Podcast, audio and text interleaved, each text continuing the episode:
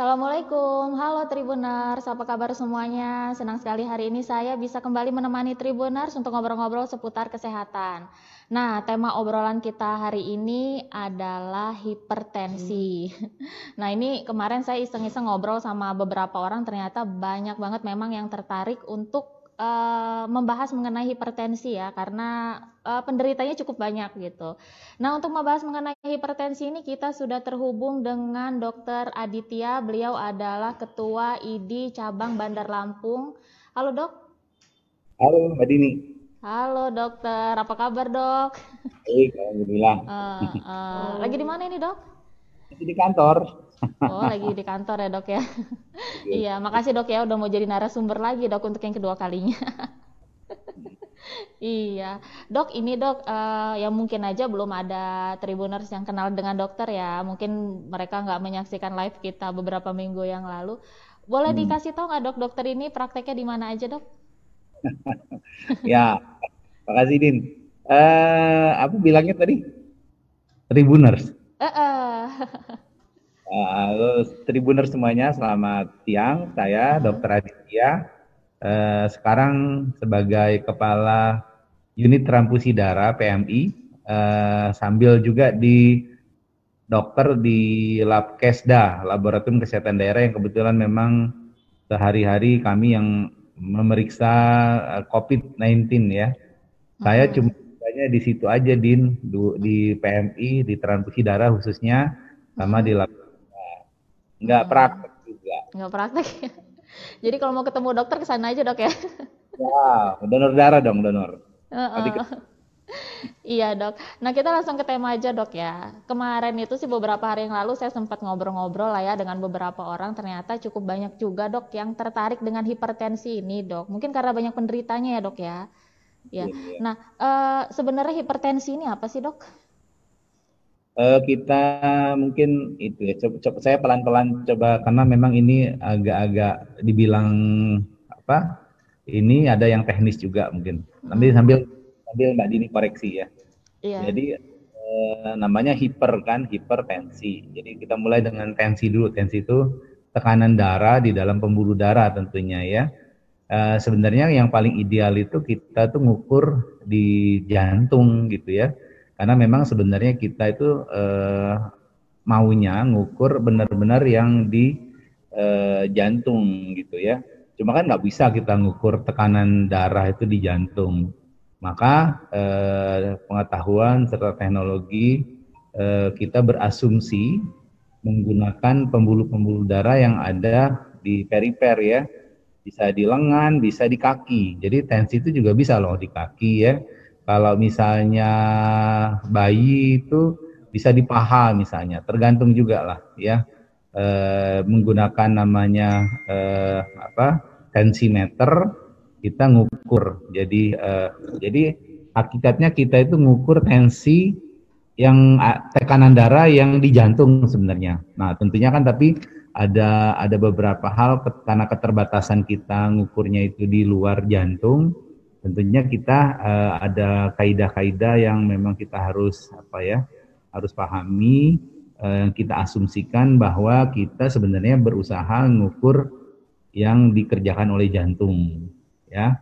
Nah itu uh, tekanan darah itu kita bagi dua. Ada namanya sistol ada yang namanya diastol. Sistol itu artinya waktu pertama kali jantung memompakan darah. Makanya kan, kan tadi saya bilang sebenarnya kita lagi ngukur yang di jantung. Jadi kita ngukur tensi di lengan itu kita yang kita ukur sistol itu sebenarnya kita berasumsi bahwa itu yang kita ukur waktu jantung memompakan darah pertama dari kalau disebut sih namanya dari bilik kiri jantung. Nah, bilik kiri jantung. Jantung itu ada empat ruangan, dua bilik dan dua serambi. Nah ini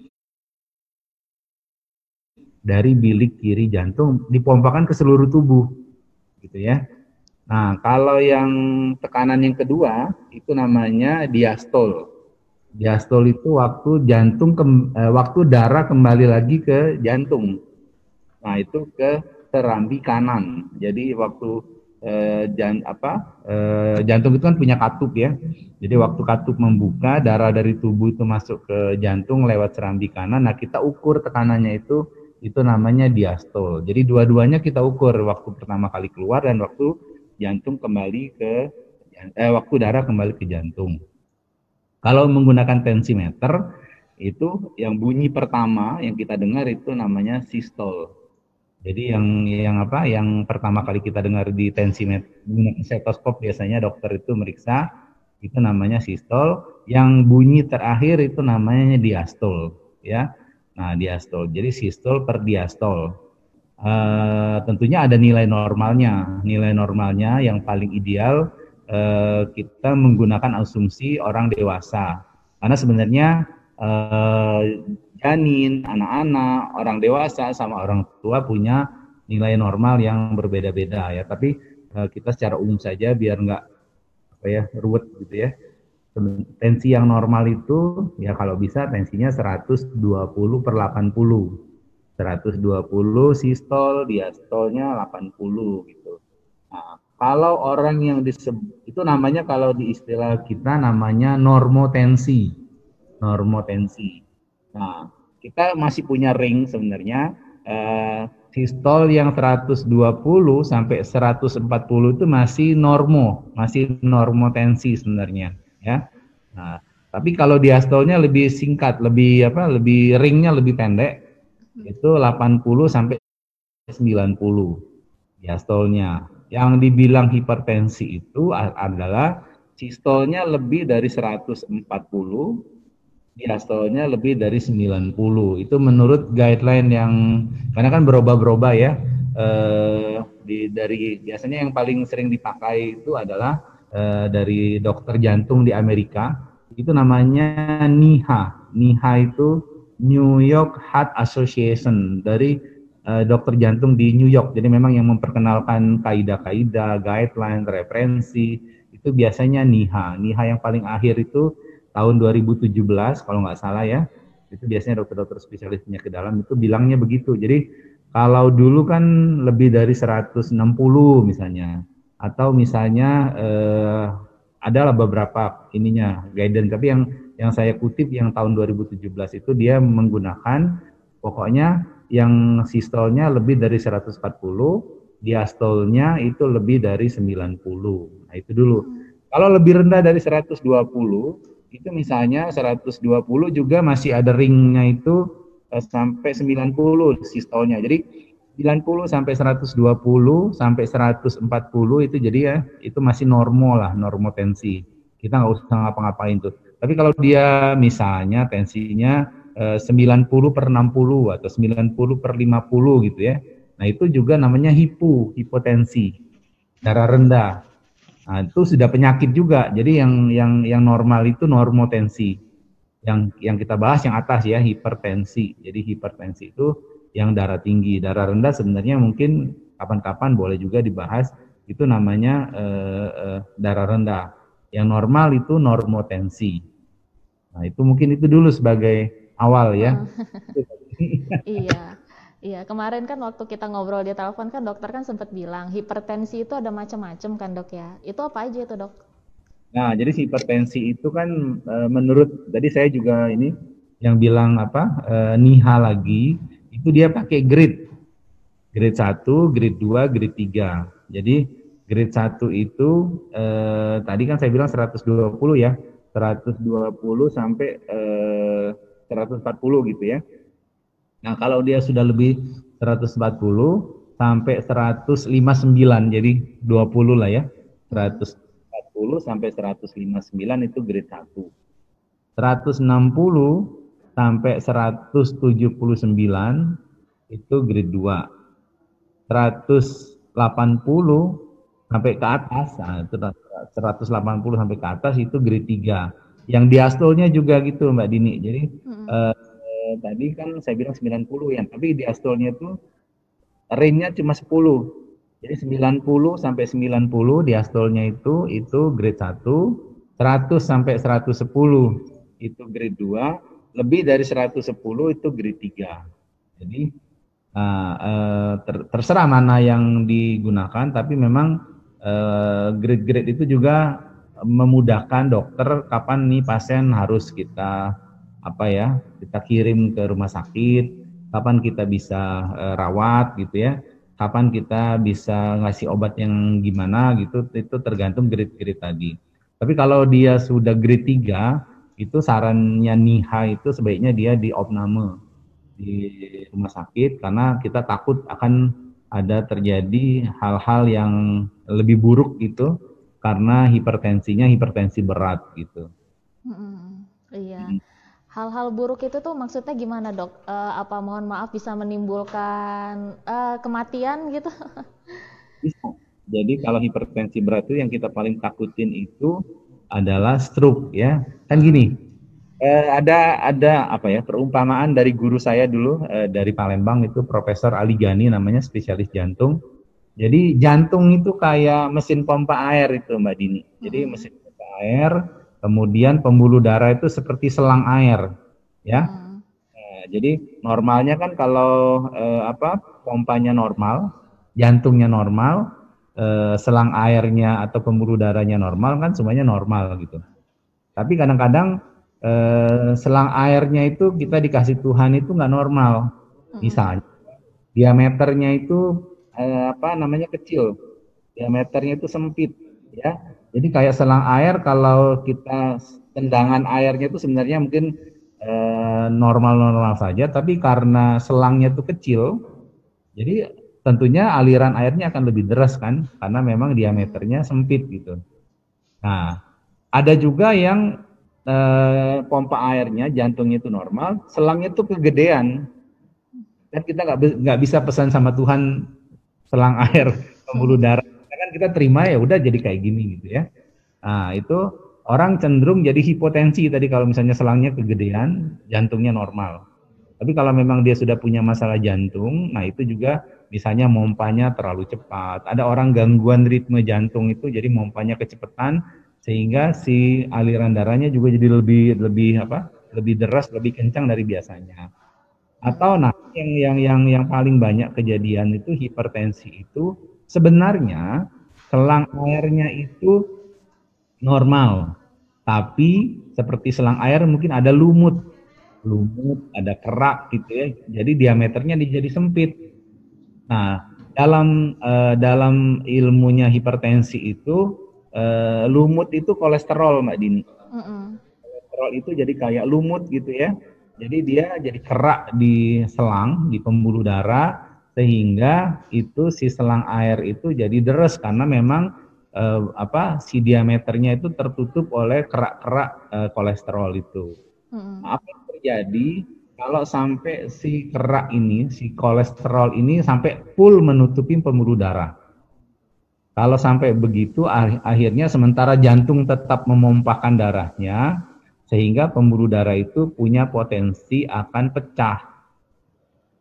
Ya, Nah, kalau pecahnya itu di, di kepala, pembuluh-pembuluh darah di otak, itu namanya stroke.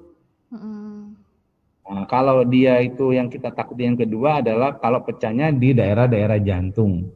Itu sehingga pecah juga, itu jadi kena serangan jantung. Serangan jantung karena masalah pembuluh darah. Jadi eh, sebaiknya kalau memang yang hipertensi, saya sarankan sih memang harus cek, harus cek kolesterol, nggak bisa eh, apa, eh, cuma makan obat darah tinggi saja tanpa pernah mengetahui sebenarnya risikonya. Jadi risikonya itu makin bertambah kalau misalnya juga si selang itu, si pembuluh darah itu ada orang yang misalnya kena juga diabetes, diabetes diabetes itu kan artinya gula darahnya banyak. Nah, itu sudah ada apa? Sudah ada lumutnya gitu ya. Sudah ada kerak-kerak di pembuluh darah. Kemudian si gula darah itu di pembuluh darah membuat itu namanya itu arteriosklerosis. Jadi e, si lumut si pembuluh darah itu jadi tidak stabil. Jadi coba bayangkan kalau selang itu jadi kaku, kan kalau misalnya pembuluh darah itu kan harusnya elastis gitu ya. Hmm. E, jadi dia bisa membuka, bisa menutup gitu ya. Tapi karena sudah ada kerak, kemudian sudah ada diabetes, jadi dia lebih gampang untuk terjadinya pecah. Nah, terjadi pecah itu kalau di otak sekali lagi bikin stroke, kalau di jantung itu bikin serangan jantung. Ya, dua-duanya berbahaya itu. Mm-mm. Iya. Nah, uh, kalau gejala dok, gejala kita terkena hipertensi. Ada yang bilang katanya kepala kelingan gitu. Tapi sebenarnya kayak gimana sih dok gejalanya tuh kalau kita kena hipertensi dok? Uh, kalau memang hipertensinya sudah hipertensi grade 3 ya, hipertensi berat itu sakit bukan cuma keliengan. Sakit. Hmm. Jadi memang uh, karena tendangan pembuluh darah itu kan misalnya sampai 210 itu biasanya hmm. orang ada sakit kepala sekali kan karena kan apa terlalu derasnya aliran darah termasuk yang ke otak gitu ya, yang ke kepala. Jadi hmm. juga cari kepala. Nah itu juga membedakan nanti sama hipohipotensi. Kalau hipotensi itu bukan sakit. Nah hmm. mungkin yang itu karena alirannya rendah sehingga si kan di dalam darah itu ada oksigen tuh yang digunakan untuk uh, apa uh, oleh darah untuk mengikat oksigen. Nah jadi kalau misalnya dia rendah dia jadi lebih cenderung yang Dini bilang tadi itu keliengan. Jadi kayak hmm. Nggak ya. Nah, itu biasanya hipo hipotensi. Tapi kalau orang yang e, darah tinggi itu sakit, sakit sekali. Jadi sampai mungkin sampai dia harus minum obat e, darah tinggi misalnya ya atau sampai ada yang apa e, apa perlu apa di biasanya sakit-sakitnya itu perlu di kayak ditusuk-tusuk e, apa aku apa aku puntur dan sebagainya Mm-hmm. Nah, memang uh, apa itu juga harus dipastikan dengan penyakit-penyakit yang lain ya. Tapi memang kalau hipertensi berat itu biasanya di samping uh, sakit kepala sampai mungkin sampai muntah juga misalnya. Mm-hmm. Ya, kalau sampai uh, berlanjut ya mungkin kita harus takut dengan yang stroke tadi karena di kepala ya. Mm-hmm. Mungkin gak dok bisa pingsan dok? Kenapa? Mungkin gak dok bisa pingsan? Sangat jadi uh, hilang kesadaran itu tergantung lah. Jadi uh, biasanya kan uh, sakit kepala karena hipertensi yang berat itu kan nanti kalau sampai pembuluh darahnya kurang elastis tadi terus pecah, hmm. ya tergantung pecahnya di daerah mana. Kalau di kepala itu kan se uh, seluruh apa ya pusat segala macam kehidupan kita ada di sana. Kalau di sana itu kena yang bagian pusat kesadaran, jadinya nggak sadar. Hmm. Mm-mm. Oh, jadi bisa ya dok ya, bisa kehilangan kesadaran dok ya. Uh-uh. Nah, uh, kalau penyebab dari hipertensi ini apa dok? Ada yang bilang katanya kebanyakan makan daging, terutama daging kambing katanya tuh jadi bisa jadi hipertensi itu katanya dok ya. Tapi benar gak dok itu dok? Kebanyakan makan daging itu menyebabkan hipertensi. Saya balik lagi tadi yang bilang tadi kayak selang pembuluh darah kan. Yang pertama mungkin kalau uh, dikasih Tuhan itu memang selangnya kecil. Itu kita benar-benar nggak bisa ngapa-ngapain tuh. Masa kita mau ganti uh, pembuluh darah di seluruh tubuh kita kan ya udah kita pasrah aja. Kita hmm. berupaya bagaimana caranya selang itu jangan ada lumutnya. Nah, kalau yang Mbak Dini bilang itu sebenarnya cenderung yang ke kolesterol tadi. Jadi daging kambing atau daging yang lain itu kan cenderung uh, kalau dikonsumsi berlebihan kan akan menimbulkan hiperkolesterol itu akan nempel. Jadi dia eh, agregasi di pembuluh darah itu akan bersatu sehingga akan bikin timbunan eh, lumut tadi gitu loh.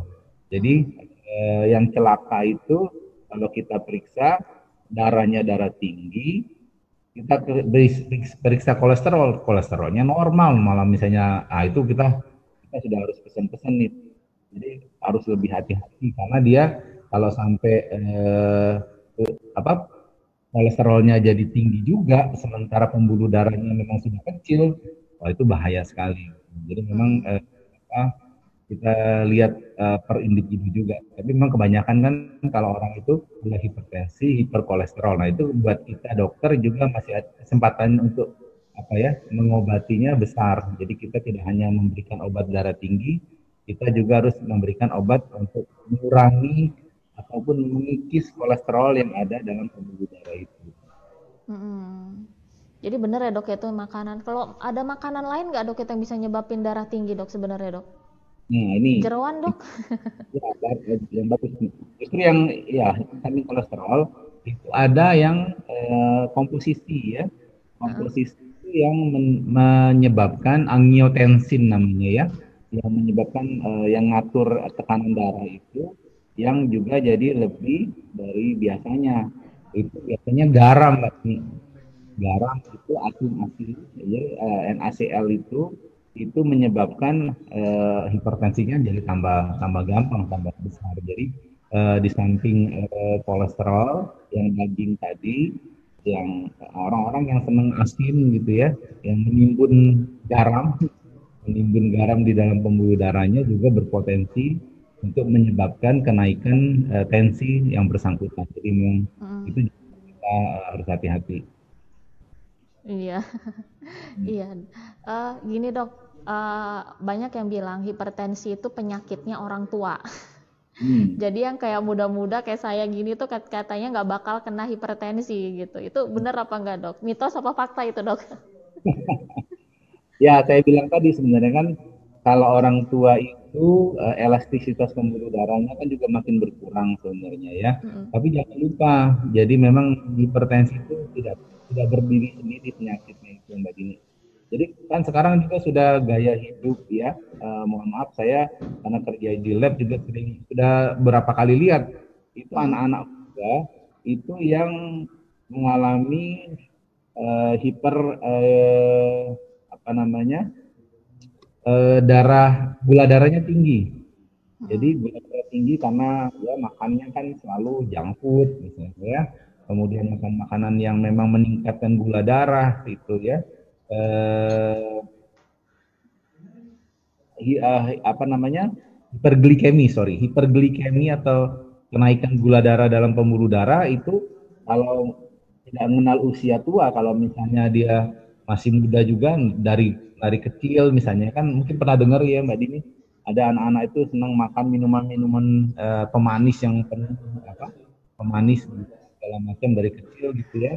Nah itu kan apa ya kita akan uh, melihat orang itu jadi kena diabetes tapi diabetes yang tipe satu hmm. anak itu uh, itu juga biasanya kalau yang saya bilang yang awal tadi kalau orang itu dalam pembuluh darahnya juga sudah banyak gulanya itu tidak tertutup kemungkinan dia akan terjadi hipertensi juga. Nah hmm. makanya harus jadi kalau dulu mungkin zaman zamannya saya mungkin ya zaman zamannya makanan itu kita masih alami yang dibikin mungkin di warung di rumah itu semua serba tidak ada pemanis misalnya ya. Nah, itu mungkin memang uh, memang jarang orang yang terjadi hiperglikemi. Tapi kan kalau sekarang anak-anak itu sudah makannya dari warung kemudian mungkin misalnya yang banyak-banyak minuman-minuman yang penuh dengan uh, gula. Nah, kalau orang tuanya tidak apa tidak aware, tidak bijaksana, nanti takutnya nanti anaknya jatuhnya ke diabetes, kemudian nanti akan menimbulkan bermacam-macam masalah, misalnya masalah ginjal, bisa masalah hipertensi. Jadi kalau dulu mungkin karena tadi yang tadi mitosnya itu karena zaman dulu ya orang-orang tua kita, nenek-nenek kita itu memang nggak kenal pemanis-pemanis buatan segala macam, ya memang iya karena sudah tua baru karena memang cuma faktor eh, kerapuhan pembuluh darah usia gitu. Tapi sekarang kalau anak-anaknya eh, gaya hidupnya yang seperti sekarang, semuanya serba instan, semuanya serba pemanis, pengawet dan sebagainya, itu ya kalau nggak hati-hati juga nanti kita akan banyak itu kasus-kasus orang yang kena hipertensi walaupun masih umur muda gitu. Mm -mm, iya, apalagi sekarang banyak kafe ya dok ya, tempat nongkrong gitu ya dok ya. Iya kan bermunculan terus tempat nongkrong baru gitu dok ya dengan aneka minuman makanan yang enak-enak gitu. Itu jadi faktor juga dok ya sebenarnya dok ya. Hati harusnya memang ada ada apa ya apa penelitian juga ya. Saya itu ya nggak sering lah ke kafe ya. Uh, tapi kalau melihat apa yang apa sirupnya itu ya itu kan dari luar ya. Uh, uh, saya lihat beberapa merek itu ya memang jadi mungkin uh, uh banyak juga in, uh, tidak gula katanya tapi sirup yang dari impor itu yang sebagai digunakan untuk uh, minum kopi itu bayangkan kalau misalnya sehari ngopinya berapa tuh dua tiga gelas misalnya atau uh. terus hari seminggu berapa kali kita bisa hitung tuh kandungan gula dalam uh, dalam pembuluh darah ya dari kopi nih mungkin juga kafe-kafe juga atau mungkin tidak sebaiknya menggunakan apa gula-gula yang alami yang apa, memang kita bisa jadi punya kewajiban juga tuh untuk tidak hanya mengejar keuntungan tapi memberikan juga apa uh, minuman yang sehat juga buat pelanggannya gitu ya. Mm -mm. Iya. Nah, uh, hipertensi ini sebenarnya bisa sembuh nggak sih dok? Apa hanya bisa normal aja dok? Nah, ini itu balik lagi hipertensinya itu karena dari sononya karena pembuluh darahnya yang kecil itu kayaknya akan seumur hidup tuh makan obat anti hipertensi. Nah, jadi tapi kalau dia hipertensi karena gaya hidup tadi, karena kolesterolnya yang tinggi, mungkin kalau misalnya kolesterolnya kita obati, kita bikin jadi normal lagi, mudah-mudahan dia juga baik. Tapi tentunya eh, juga harus selalu harus selalu jaga juga karena kan eh, apa eh, tidak bisa selamanya apalagi nanti kan nanti bertambahnya usia resikonya juga makin eh lupa tadi sebenarnya ada juga yang eh, mempengaruhi di samping makanan itu rokok ya rokok itu sudah terbukti juga membuat eh, stres oksidatif di dalam pembuluh darah jadi itu juga membuat apa ya makin membuat kaku aktivitas pembuluh darah jadi juga udah misalnya nanti minumnya banyak gula, eh, senang ngemil misalnya yang yang banyak garam terus ngerokok juga, nah itu juga akan uh, gampang sekali untuk terjadi hipertensi. Mm -hmm. Iya.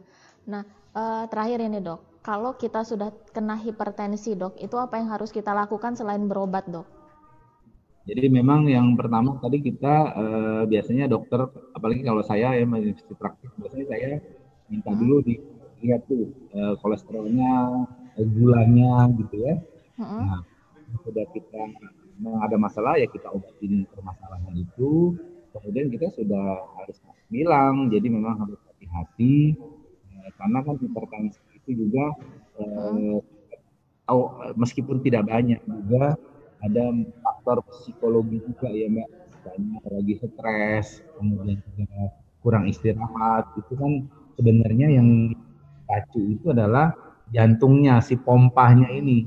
Pompanya eh, bekerja keras sehingga eh, akan memompakan darah juga makin makin apa? Makin makin kencang gitu ya. Itu juga bikin hipertensi. Jadi biasanya kita eh, apa aja pasiennya di samping oh, tidak hanya obat saja obat semata kebiasaan hidup sehat kemudian juga harus apa bikin happy bikin bahagia gitu ya bikin tenang gitu. Jadi bagaimana caranya uh, tidak terlalu stres dan sebagainya jadi itu juga akan kita apa kita upayakan tentunya dengan uh, mm -hmm. dari pasien juga sih ya kalau cuma mengandalkan obat hipertensi aja seumur hidup akan makan obat hipertensi. Gitu. Itu seumur hidup ya dok ya obatnya dok ya?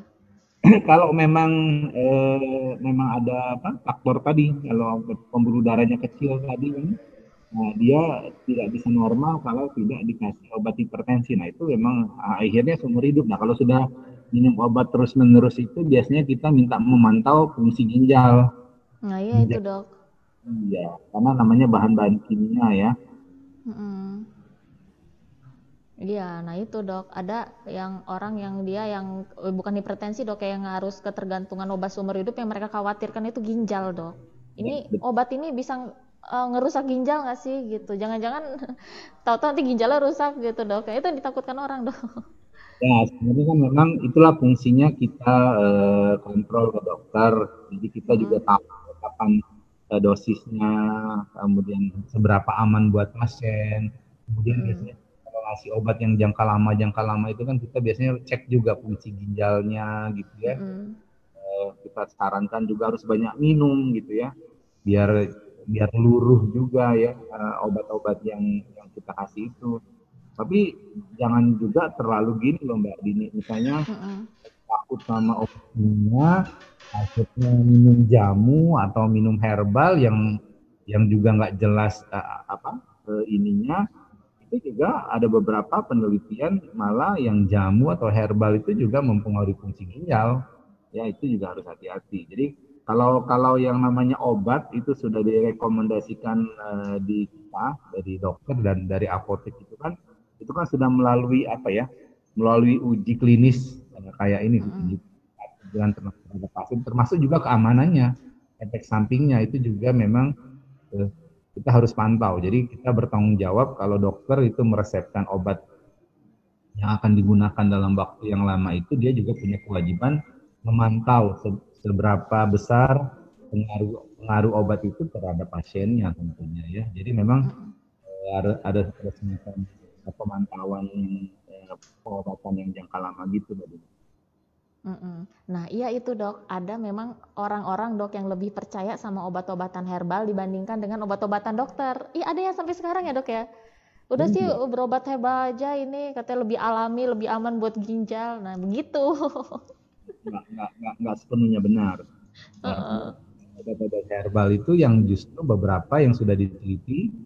Kebetulan saya punya teman-teman dokter yang expert di bidang itu malah banyak juga yang karena ketidaktahuannya obat-obat itu bikin masalah baru ya tahu-tahu obatnya itu ada jamurnya ya. kemudian ya itulah efek-efek uh, obat-obat itu yang memang ada yang menyebabkan kerusakan hati dan sebagainya jadi eh, nggak uh, sepenuhnya uh, aman. Jadi memang tetap juga harus dipantau ya. Apalagi yang memang belum teruji secara klinis itu memang kita harus lebih hati-hati. Kan apalagi terus-terusan minumnya ya. Jamu terus-terusan itu ya tentunya kan tetap barang asing betul ya. Uh -uh. jadi lebih aman ya obat dokter aja udah ya. Enggak juga jadi memang uh, harus harus ini dong harus fair. Dokter uh. juga kan obat uh, apalagi zat-zat kimia tentunya juga punya punya efek samping. Tapi kalau kita kan karena memang kita diajarin efek sampingnya, kita bisa bisa advice, bisa apa menurunkan dosisnya dan sebagainya. Tapi kalau herbal kan kita kadang-kadang ditanya, saya kalau praktek pribadi terus ditanya-tanya masalah obat herbal, orang atas itu juga agak-agak kewalahan juga. Kita nggak diajarin sih itu farmakologinya ya. Hmm. Iya. Oke dok, itu cukup dok. Uh, nanti izin saya terbitkan untuk koran hari Minggu dok ya, boleh ya? Obrolan ya. kita hari ini dok nanti akan ada di koran juga. Mari. iya, ya baik dok. Terima kasih ya. banyak ya dok ya atas waktunya dok ya sudah mau jadi narasumber lagi. Nanti jadi narasumber ketiga kalinya nggak apa-apa dok ya. iya, baik, nggak apa-apa dok ya. iya, baik terima kasih banyak ya dokter Aditya. Ya, ya dok. Ya Tribuners itu tadi obrolan kita bareng dokter Aditya. Jangan lupa saksikan program saya Lipstick alias Tips Cantik besok pukul 3 sore. Assalamualaikum. Dadah.